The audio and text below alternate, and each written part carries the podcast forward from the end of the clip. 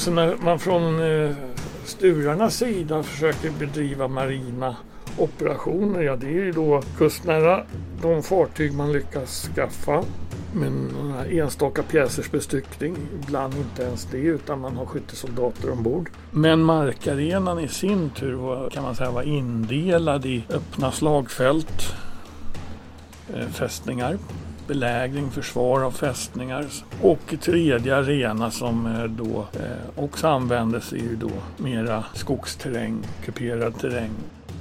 Välkommen till en ny podcast från ämnet militärhistoria på Försvarshögskolan.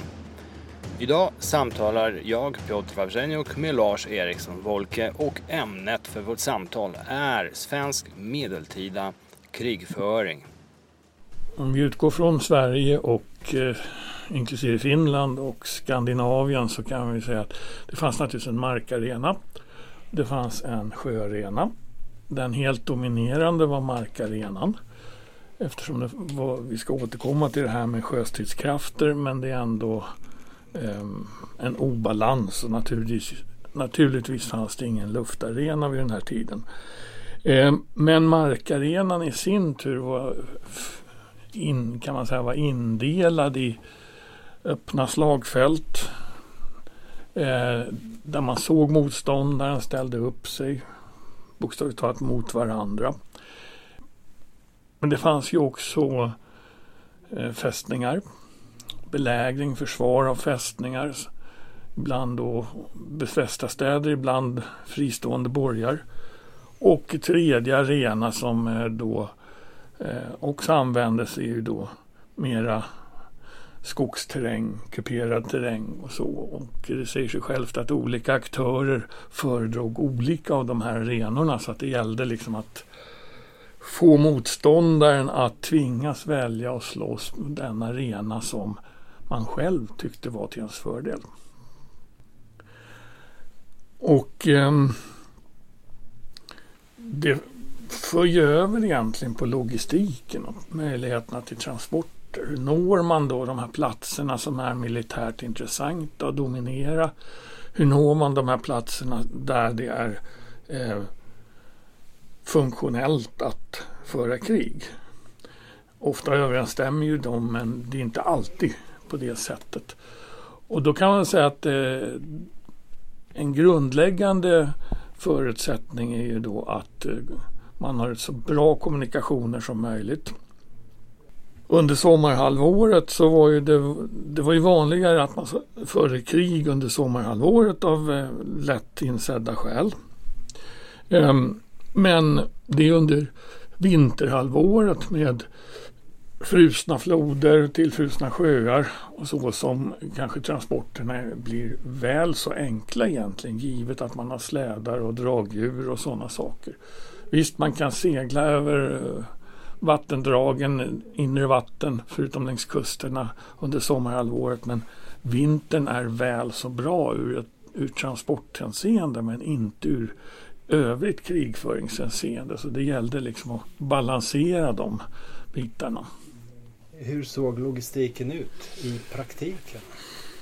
I praktiken handlar det om eh, förhållandevis lite logistik. I, Eh, det är få, om ens några personer som är eh, primärt logistiker eh, som vi har längre fram. Går vi in på, bara för att ta ett dramatiskt avvikande exempel, går vi in på 1900-talet så kan vi hitta till exempel under andra världskriget finns det ju då siffror från Västeuropa mot slutet av kriget, den amerikanska armén där man kanske är 8, 9, 10 man som sköter då logistik i olika former för att få fram en stridande soldat. I Stilla havskriget är det ännu värre proportioner så att säga. Eh, den bilden har vi inte eh, under medeltiden utan då är det ju allmänhet uppbådade bönder som kan få hjälpa till med logistiken och då är de inte stridande primärt. Men man har ju inte bär ju inte med sig så mycket. Man har en personlig utrustning. I den mån man har artilleripjäser så, så har man ju sådana Och det är nog så besvärligt att ta med sig tillsammans med ammunition och liknande. Men det här är ju en tid när eldvapnen och sen också eldhandvapnen börjar slå igenom men där de flesta soldater är eh, beväpnade med hugg och stickvapen. Så det man egentligen eh, behöver med sig av ammunition, ja det är pilar till pilbågar, framförallt eh, skäktor till armborstar.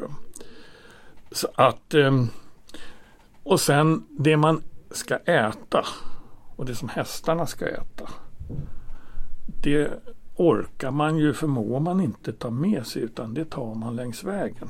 Och då måste man ju välja en väg där man hittar eh, förnödenheter, proviant och furage. Och eh, samtidigt som man ska försöka förhindra motståndaren att eh, proviantera. Och det där ser vi ju många exempel på redan under medeltiden och ännu mer under 1500-talet egentligen. Gamla riksgränsen mellan Sverige och Danmark där man härjar på den andra sidan gränsen för att förstöra uppmarschområdena för eh, den andra sidan så att de egentligen inte kan operera där. Och det här är ju inget unikt för Skandinavien. Det förekom ju i till exempel hundraårskriget mellan England och Frankrike var ju det en sak som eh, bidrog kraftfullt till att eh, eh, förhärja Frankrike där man alltså skapade, ska vi kalla det brandgator som kunde vara flera kilometer breda. Eh, för att på det sättet genom att i princip bränna ner allting, och förstöra brunnar, döda boskap eller föra undan boskapen. Eh, och den här kände eller ökände Svarte prinsen eh, under 1300-talet, brittiske tronföljaren, han var ju då extra känd för att eh, bedriva sån här verksamhet. Men vi kan också se att de här klassiska uppmarschvägarna, vi har ett, Eh, ett sådant exempel på 1560-talet, lite efter medeltiden, men det är medeltida typ av krigföring. När en dansk armé eh, rycker upp från det, nors, eh, det danska Halland och i det fallet längs eh, ryckte man ju fram längs åarna Nissastigen och längs Lagan och så vidare. Och då när de väl har försett sig själva, när de har kommit över riksgränsen, då bör, har man ungefär 2-3 kilometers bredd på en sån här brandgata som man härjar fullkomligt. För den skull eh, eh, svenskarna skulle försöka att göra ett, ett motanfall och rycka ner mot Halland. Och uppenbarligen har man då tänkt sig från dansk sida, för man är på väg mot Jönköping då, att man själv ska återvända en annan väg. Annars hade det varit kontraproduktivt. Så summa summarum, väldigt mycket går det hela ut över civilbefolkningen. Eh, men det är förhållandevis väldigt lite av eh, logistiska transporter i, i jämförelse med moderna förhållanden. Man lever av landet, man medhar boskap. Man, medhar. Man planerar krigföringen eh, till eh, den varma årstiden så att ja. det finns även förtäring för, för djuren. Eh, men om vi går över, lämnar logistiken och vi, vi går över till trupperna. Landskrigföring och trupper. Vad är det för rekrytering som eh, bedrivs? Hur ställs de här trupperna upp? Och vem? Vi kan säga att det, det är två olika system eh, som båda är blandsystem egentligen.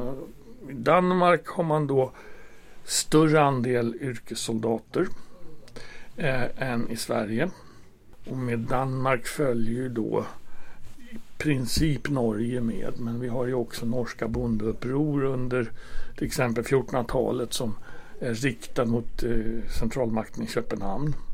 Och eh, då får vi en bild som vi har egentligen i Sverige i, i förhållande till centralmakten i Köpenhamn under unionstiden. Då.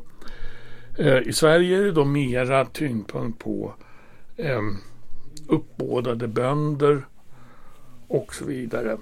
Men det är naturligtvis inte fullt så enkelt. Om vi tittar på danskarna först så har man alltså, satsar man eh, på yrkessoldater till betydande del. Inte enbart danskarna har också bondebåd som man tar med sig, eller utskrivna bönder i olika konstellationer. Eh, men, eh, och det är ju då sådana danska soldater men väldigt många naturligtvis från Tyskland. Den tyska soldatmarknaden ligger nära till för Danmark. Eh, men även ungrare, polacker och andra nationaliteter som man då köper i olika sammanhang.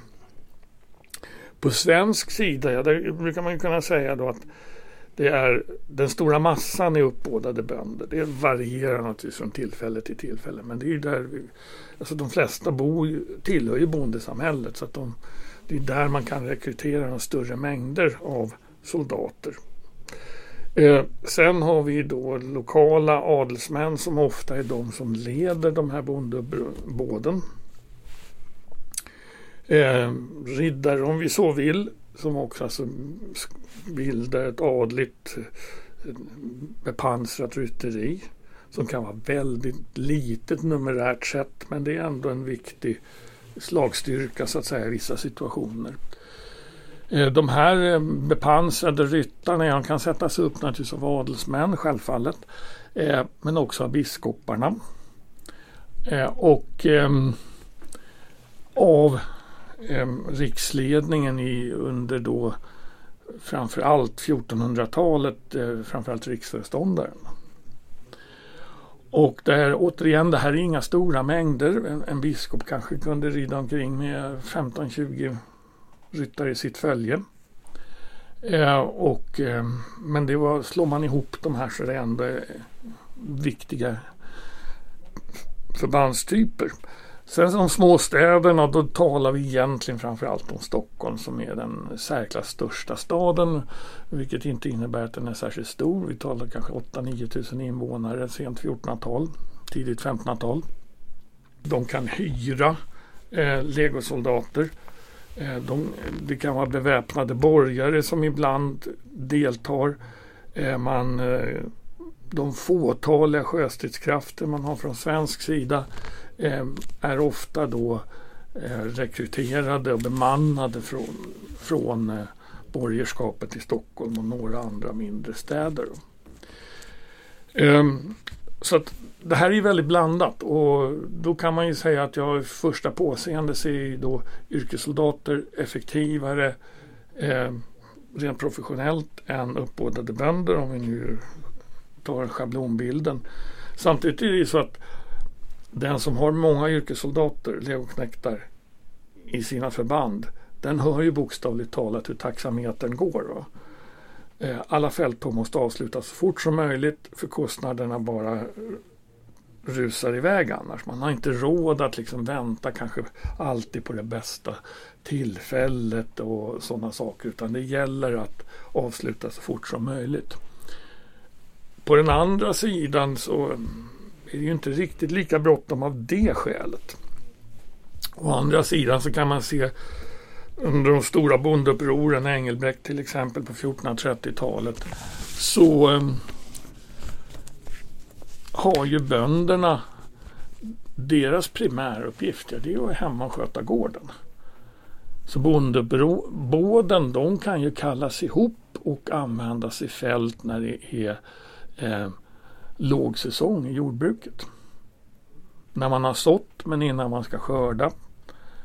När man har skördat men eh, innan decemberslakten sätter igång. Så finns det liksom sån här window of opportunity x antal veckor där bondebåden kan eh, kallas ut. Då. Men sen måste de hem. Så även där finns en brådska och det är viktigt att komma ihåg när man försöker bedöma är de skick de här ledarna som ändå finns på båda sidor, är de operativt skickliga? Kan de planera sina fälttåg och sådana saker? Att det är en massa faktorer som påverkar dem och som pressar och stressar dem. Om vi tar det mest kända slaget under medeltiden, så slaget vid Brunkeberg 1471, så eh, är det ju vissa moment där som gör att man frågar sig för både Sturarnas och kung Kristians sida var det så välbetänkt att leverera bataljer. Men båda har alltså väldigt bråttom. Fast av helt olika skäl. Så de måste få ett avgörande till stånd. Vem är det som samordnar det handlar ju väldigt mycket om skickliga individer, om inflytelserika och erfarna individer som har alltså militär erfarenhet och samtidigt har auktoritet nog att eh, samordna. Eh, naturligtvis inte samordning i betydelsen gemensamma övningar och sånt där innan man drar igång. Utan det, men vad som händer under själva fälttåget, ja det, det kan man säga. Därför att eh, där eh, kan vi se hur man är skickliga befälhavare ändå kan hålla ihop sina förband eh, och genomföra ett fälttåg. Ehm, och vem det blir, ja ibland kan det vara någon som är, oftast då på dansk sida, någon som är utsedd av kungen. Eh, som då uppenbarligen är känd för att ha militär kompetens och kunna leda större förband. På den andra sidan, ja det, det kan variera lite grann men eh, vi har till exempel i Sverige då runt sekelskiftet 1500 eh, Hemmingad som var utvald men inte kom, bekräftad biskop i Linköping. Och han var ju samtidigt eh, en av eh, Sturepartiets eh, viktigaste militära chefer, skickligaste militära chefer. Han hade studerat i Rom som en, en prästman skall göra. Men han hade också ägnat några, några år av sin vistelse i Italien att, att delta i olika inbördesstrider mellan olika italienska stadsstater så att han hade liksom djup militär erfarenhet och den här kombinationen biskop eller kyrkoförste och högre militär chef var egentligen inget konstigt. Det, han är dock den, den mest eh, begåvade av de vi känner till. Det, och sen känner vi honom bäst också tack vare att han, har, han var en eh, väldigt flitig skribent. Han skrev brev i olika riktningar. Eh, inte minst då till riksföreståndaren Svante Nilsson Sture alldeles i början på 1500-talet. Och sen Sten Sture den yngre också. Så vi får se, där, vi kommer den här Hemingad lite in på livet och ser hur han har tänkt och så vidare. Han resonerar bland annat om de ständiga belägringarna av Kalmar. Därför många av de här krigen handlar om att belägra eller försvara fästningar som ligger strategiskt. Då. Och förutom Stockholm och Åbo så är det tveklöst Kalmar som är den viktigaste fästningen. Och den byter ju ägare gång på gång på gång. Och man försöker då eh, belägra den, svälta ut besättningen, eh, snedstreck då eh,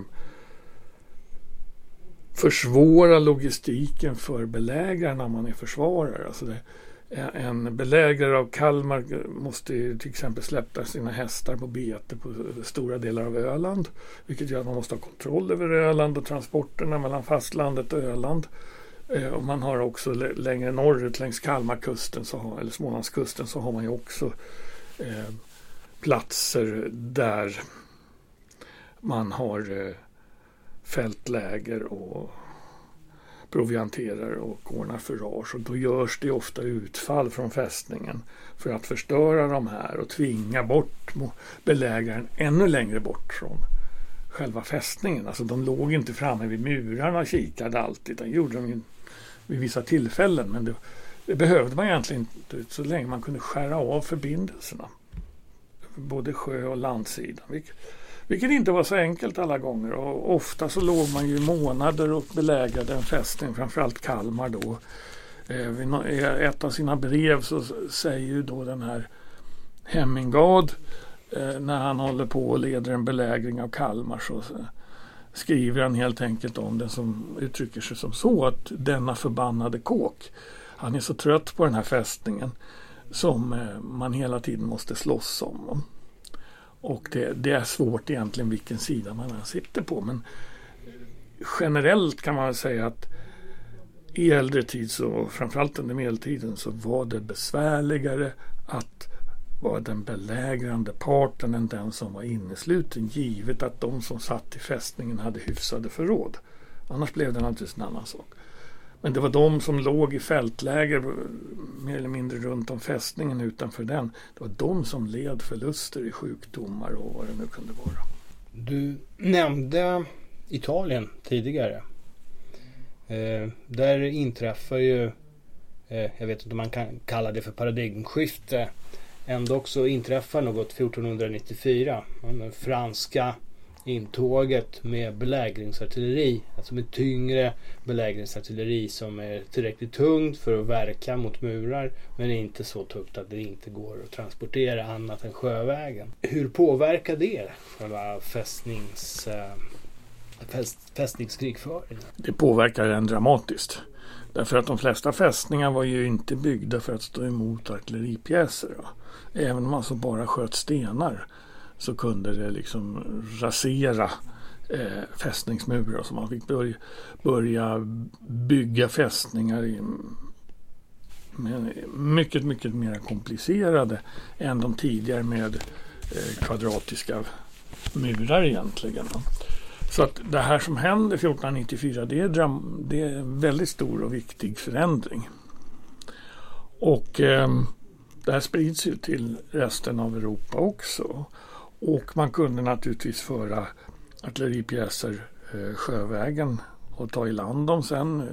Allting var jättebesvärligt och jättetungt men det gick. Och där är ju då, om vi ser ur ett nordiskt perspektiv, en viktig skillnad så tillvida att Danmark har från sent 1400-tal en kunglig örlogsflotta. Den är inte så jättestor men den är jämfört med Sverige som i princip inte har någonting utan där riksföreståndarna kan ha enstaka fartyg, biskoparna kan ha något enstaka fartyg. Alla är gjorda för transporter också men de är samtidigt bestyckade. Eh, de är gjorda för att segla i egentligen kustnära.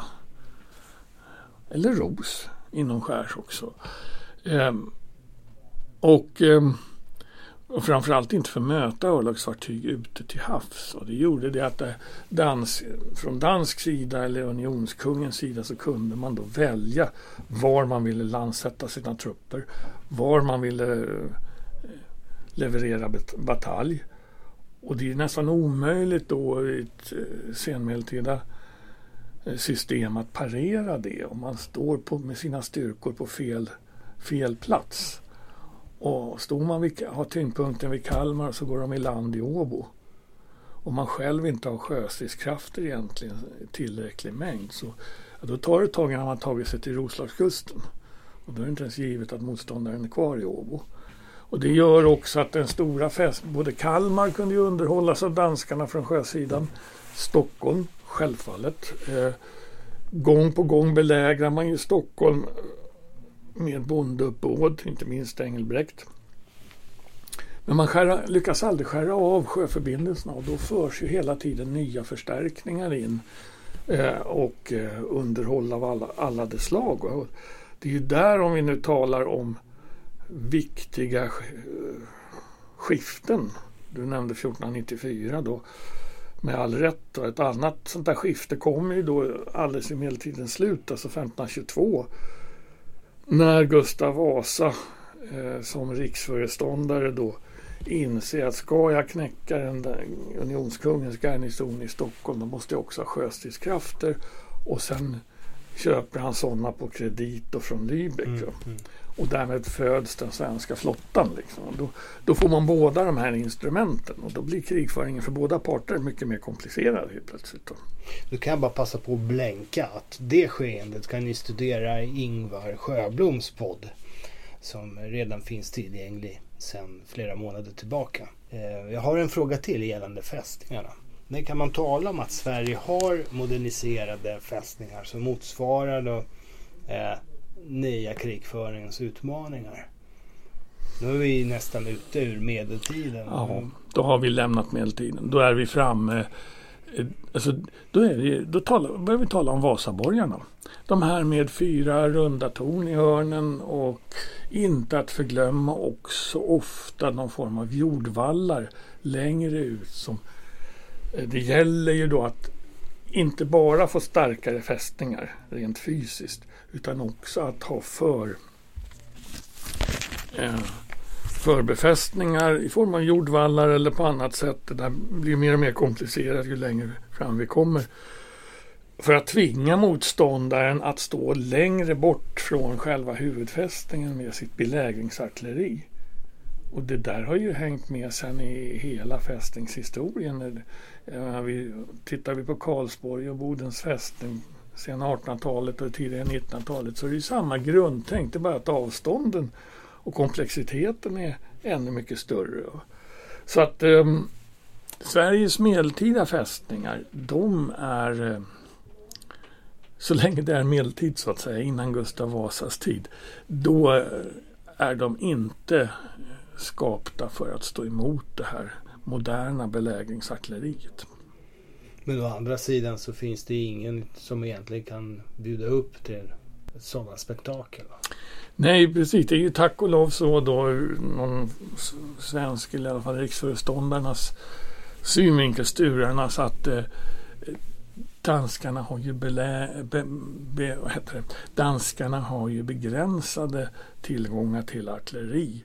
Och i fästningarna försöker man ju också eh, montera och placera artilleripjäser. Vi har ju redan i mitten på 1400-talet så har vi ju exempel nämns då första artilleristerna i Stockholm till exempel. Då.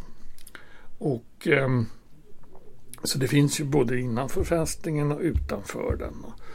Och där är det då viktigt att komma ihåg att när vi har sagt det här att artilleriet börjar ju så sakteliga växa fram i Sverige också i Norden i slutet av medeltiden men får ingen avgörande betydelse egentligen um, förrän vi kommer in på 1500-talet och då är det en helt annan utveckling. Men um, då kan man ju fråga sig då, samtidigt så ska man komma ihåg då att kampen om fästningar är ju en central del av krigföringen. Um, en, um, ett bondebåd, Engelbrekts bondebåd 1434 till 36 till exempel, Erik Puke sen 1437 och så vidare. Ja, de hade ju, de försökte ju bekämpa sin motståndare genom bakhåll, genom att locka in dem i skogsterräng och så. Man skulle ju inte gå ut och ställa sig på ett öppet fält mot bepansrat rytteri. Det var liksom eh, inte särskilt klokt om vi uttrycker oss försiktigt. Samtidigt så bedriver ju de här en väldigt offensiv eh, offensiva operationer riktade just mot fästningar. Men det kan vi se under Engelbrektsupproret att det är ett stort antal fästningar som faller från Borganäs och eh, i Dalarna vid Borlänge och sen eh, i allt vidare cirklar. Men det, det är ju för att eh, man som militär idag brukar tala om att man kommer innanför motståndarens beslutscykel. Man pressar motståndaren, man har initiativet, motståndaren bara får parera, hinner aldrig lugna ner sig egentligen och tänka igenom situationen och komma med genomtänkta motdrag. Och då, då är det liksom fästningsbefälhavare efter befälhavare som ger sig helt enkelt eller flyr när de här bondehoparna kommer. Fast man kanske hade haft en militärt sett möjlighet att eh, försvara sig. Så att eh, det är väldigt mycket psykologi. Sen ska man också komma ihåg att ja, då är det naturligtvis om vi har det här upplägget nu så vad gör då en mer professionell armé med en, med en bonde här som eller en här som domineras av bönder i alla fall och icke-professionella soldater om de inte vill komma ut och slåss på fältet. Ehm, ja, så länge de bara håller sig i skogarna, höll jag på att säga, så ja, då kan de inte åstadkomma så mycket heller. Ehm, men vi har ju, finns några exempel. Vi har ett från eh, Hällaskogen eh, på 1460-talet. När ett, att kalla den en bonde här är lite förenklat för det är adelsmän och andra i den men de, de har en gemensam sak och de är fientliga mot unionskungen.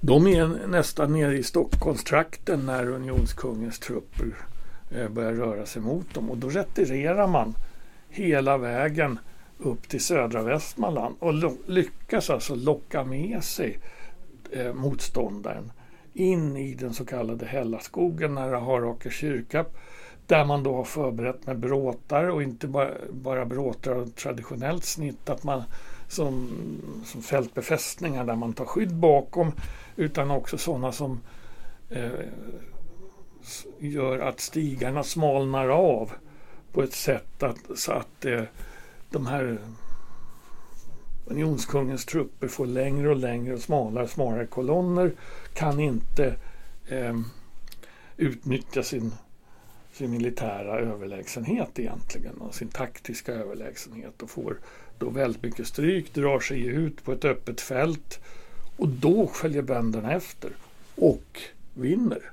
För då har man så att säga bokstavligt talat kopplat greppet på de här yrkesknäktarna. De har börjat närma sig upplösning på ett sådant sätt som, eh, att man vågar. Då.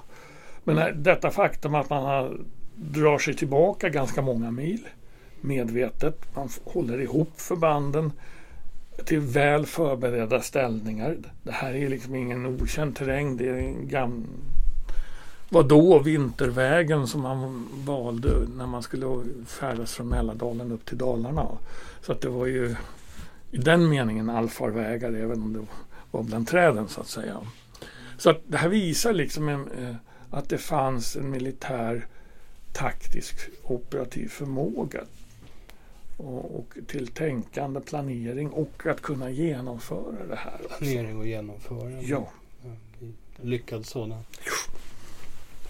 Du nämnde sjöarenan som, som kortast, alltså den danska, danska krigsflottan. Så vi, låt oss prata lite om hur eh, eh sjöarenan kunde se ut här. Om vi, vi pratar ju mest hög och sen medeltid här. Mm. För, för, att göra det här mer exakt för lyssnare.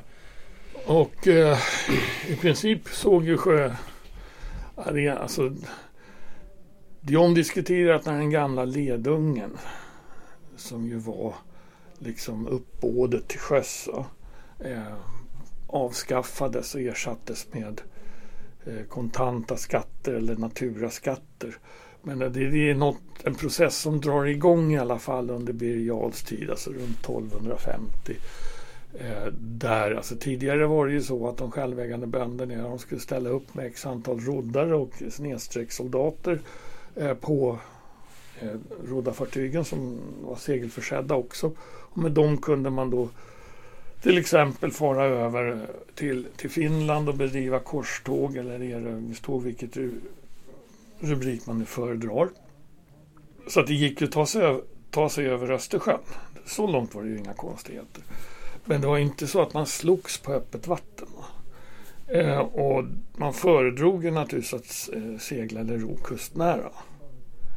Eh, det här systemet eh, används förmodligen sista gången någon gång på 1340-talet men då har det varit under avskrivning länge och ersatts då med grundläggande skatter på jorden som ju ger statsmakten pengar att bygga fästningar, köpa yrkessoldater, vad man nu vill.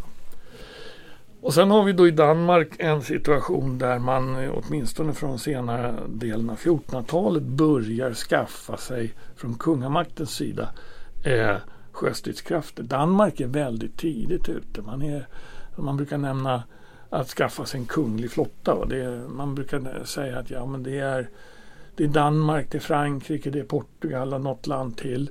Egentligen inte England, de kommer senare. Som börjar med det här under medeltiden. Då. Eh, och eh, det här är ju relativt enkelt så länge du har bestyckade handelsfartyg. Det fanns egentligen ingen grundläggande skillnad mellan örlogsfartyg och handelsfartyg. Eh,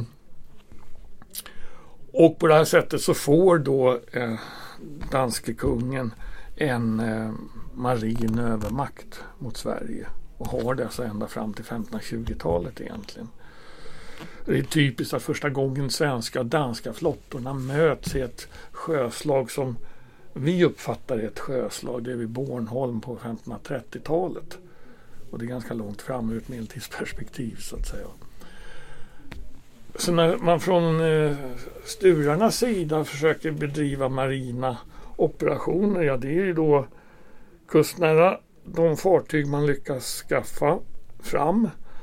Och det kan vara en handfull bara.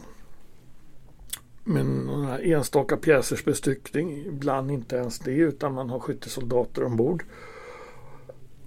Och de rör sig längs kusten. De gör strandhugg i Blekinge och sådana här gränsområden. Um,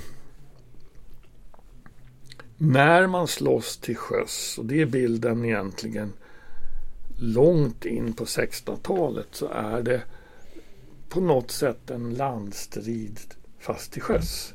Det vill säga det är armésoldater som eh, försöker eh,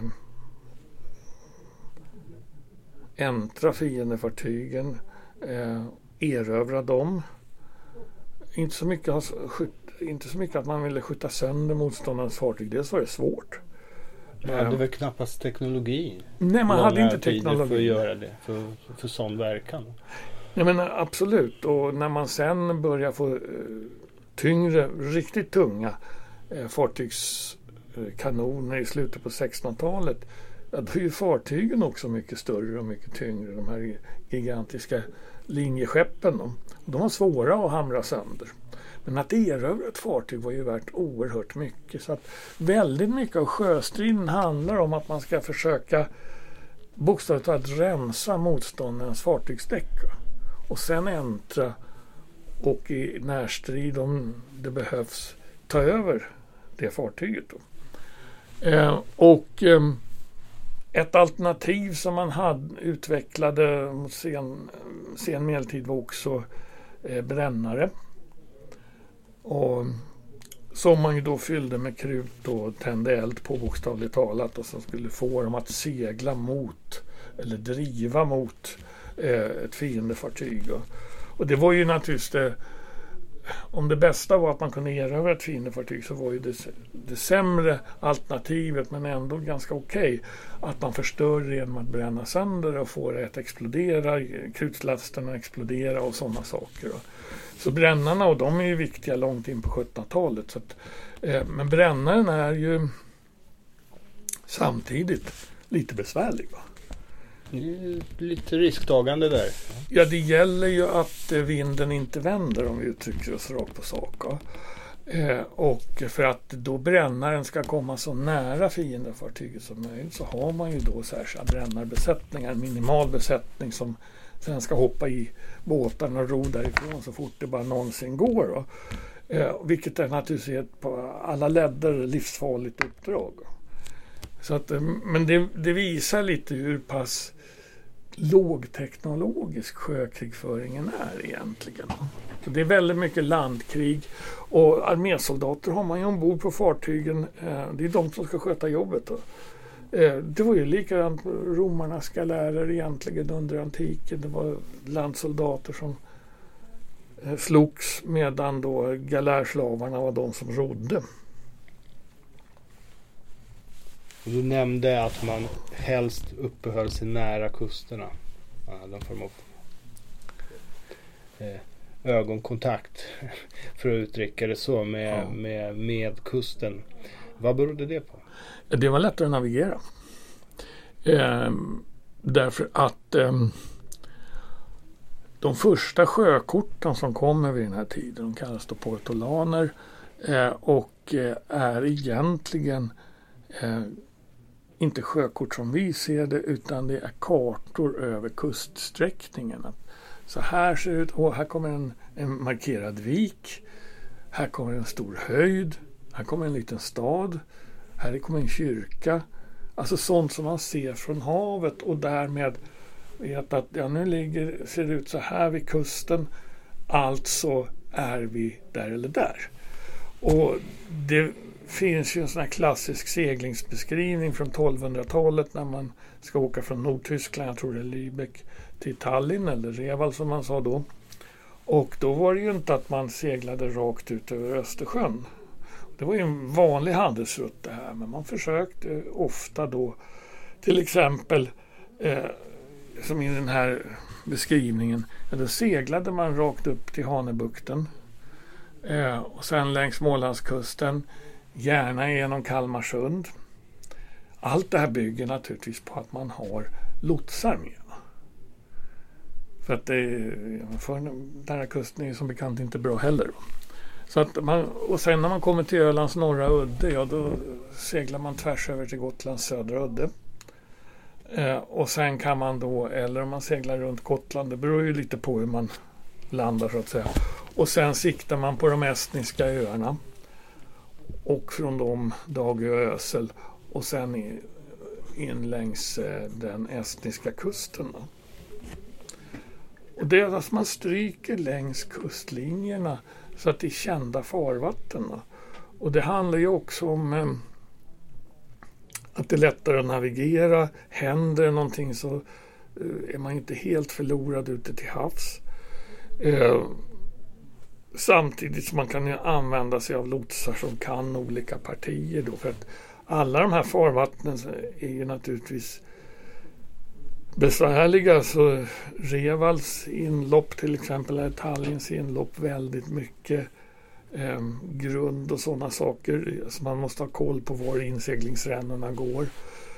Finska viken om man ska längre in mot Narva till exempel som var en stor och viktig handelsstad och kanske sen vidare med transporter till Novgorod och så. Då var det ju väldigt många grund och sandbankar och sånt där. Så att det, det är ganska smala partier som var seglingsbara. Och hur det ser ut i till exempel Stockholms skärgård vet vi också. Att det inte um, alla uh, delar som tillåter en, en fri segling så att säga, ens under senmedeltiden. Så, men det där är ju det där är egentligen självklarheter. Men just det där kopplingen mellan land och sjö, är, att den är så nära rent fysiskt, den, den är kännetecknande för medeltiden. Jag har en sista fråga. Och den gäller olika vapentyper. Mm. Vad fanns det för typer av vapen som användes i kan, krigföringen? Man kan säga att det fanns eh, blankvapen som kunde vara hugg eller stickvapen. Det vill säga att man eh, använde sig av svärd som ju då var värjan i, alltså det, det smalare med, med rak klinga är ju någonting som kommer lite senare. Men det har ju sitt ursprung i svärdet, men svärd som då kunde både stickas med men framförallt huggas med. En värja som om man tänker sig en karolinervärja från tidigt 1700-tal ska man helst inte hugga med. Va? Då kan den gå av helt enkelt. Men, men eh, kraftiga svärd. Ehm, ofta la, favoritvapen bland landsknektar, alltså yrkes, tyska yrkessoldater. Ehm, man hade en kniv eller dolk. Ehm, och, och det är mera om en soldat hamnade i närstrid med till exempel svärd och hade en hand ledig så kunde han dra kniven och eh, sticka någonstans där det gavs bokstavligt talat en öppning och, eh, hos motståndaren. Eh, men sen hade vi eh, pikar det är något som uppfinns eh, av egentligen schweiziska bönder i sent 1300-tal. Alltså långa spjut, 5-6 meter långa. Som om man packar ihop sig har, och riktar sina, alla sina spjut framåt får man en skog av pikspetsar. Då. De är ju inte så frekventa i Sverige men det, det förekommer ju spjut i en eller annan form. Hillebarder, alltså den här kombinationen av spjut och en yxägg, kortare skaft då, förekommer. Ehm, och sen alla de vapen och eh, det som går att slåss med som man har på en bondgård. Yxor, ofta långskaftade. Och, eh, jaktvapen, pilbågar men inte minst armborstet. Armborstet var ju fruktansvärt effektivt. Eh, gick, eh, det tog ett tag att ladda jämfört med en pilbåge. Men eh, skäktan gick oerhört fort och kunde tränga igenom på korta avstånd tränga igenom vissa rustningar och sådana saker också. Och där, det finns ju, man har ju hittat en enstaka sådana här eh, vad man närmast skulle kunna kalla skäktfabriker. Eh, där man i en fästning har, finns en i Södertäljetrakten bland annat, eh, som har grävts ut där man har då uppenbarligen håller på att tillverkat sådana här. Och det, det är ju inget konstigt att en fästningsbesättning gör det. Eh, och det men det roliga är att, att, man ändå har hittat en sån och kunnat se liksom halvfabrikaten också, hur, lite hur det har gått till. Då. Så armborsten oerhört viktiga. Och sen börjar då eldvapnen dyka upp i, under 1400-talet. De första kanonerna fruktansvärt opraktiska och så vidare och så vidare. Men det är ändå, ändå början till någonting. Och, och eh, sen kommer mot slutet av 1400-talet och början på 1500-talet eldhandvapnen. Alltså de tidiga musköterna eller hakebössorna och sådär som är fruktansvärt tunga. Eh, och som är oprecisa så men är det många som skjuter samtidigt så kan det ändå bli en viss effekt och det ger och finns också psykologisk effekt. Då. Så då kan man säga att vi har hela skalan från egentligen den klassiska pilbågen eh, till de moderna eldvapnen, kanonerna och eldhandvapnen, alltså musköterna när vi är framme vid den sen, senmedeltiden. Och det här blandas i olika konstellationer och beroende på vad det är för typ av förband och så. Eh, är det yrkessoldater är det större andel eldvapen. Då. Men eh, blandningen finns liksom i nästan alla sammanhang. Och det intressanta här är ju att vi i det här schweiziska infanteristridssättet med, med, med pikar och i och med långbågarna så har vi ju nya sätt att verka, effektiva sätt att verka mot eh, tungt eh, rytteri. Som, som sen också, sen när de kompletteras också med högre, i all högre grad eh, med, med handeldvapen. Då lider ju liksom tunga rytteriets stil mot sitt slut egentligen. Det är jätteviktigt. In på 1500-talet. Det är oerhört viktigt och centralt. Och, eh, och ännu tydligare på kontinenten. Med pikarna, eh, långbågar då, som utvecklas. Engelsmännen är ju berömda. De hade ju långbågsskyttar under hundraårskriget mot Frankrike på 1300-1400-talen. Men fransmännen hade också långbågsskyttar. De, de brittiska var då Eh, extra berömda. Jag säger brittiska, eh, även om det var en engelsk armé. Men det var ju framförallt för att det var långbågsskyttar från Wales och från Kent. Alltså där det fanns lokala traditioner av att utbilda de här skyttarna. Och det här får ju då den gemensamma effekten att, och armborsten då här i Skandinavien, att kavalleriets dominans på slagfältet börjar minska och fotsoldaterna bokstavligt talat börjar ta plats mer och mer. Vilket helt också förändrar, i väsentliga drag förändrar bilden av, av, av krigföringen sen längre fram under 1600-talet och 1700-talet. Absolut, där, där kavalleriet successivt från att varit eh, centrala truppslaget eh, rent taktiskt eh, får mindre och mindre betydelse och eh, utvecklas till egentligen spaningsförband och eh, att göra räder och så. Och den klassiska slaglinjen i början på 1700-talet, även om kavalleriet fortfarande är väsentligt med infanteri i mitten, kavalleri på flyglarna så är det hur viktigt kavalleriet än är så är infanteriet som är kärnan och det, det, så att säga, det taktiskt viktiga instrumentet. Och det, det föds ju här under hög och senmedeltiden. Tack Lasse för ytterligare en insats och tack till er för att ni lånade oss era öron och er tid. Vi hörs i en inte alltför avlägsen framtid. Vi tackar än en gång och tar avsked. På återhörande.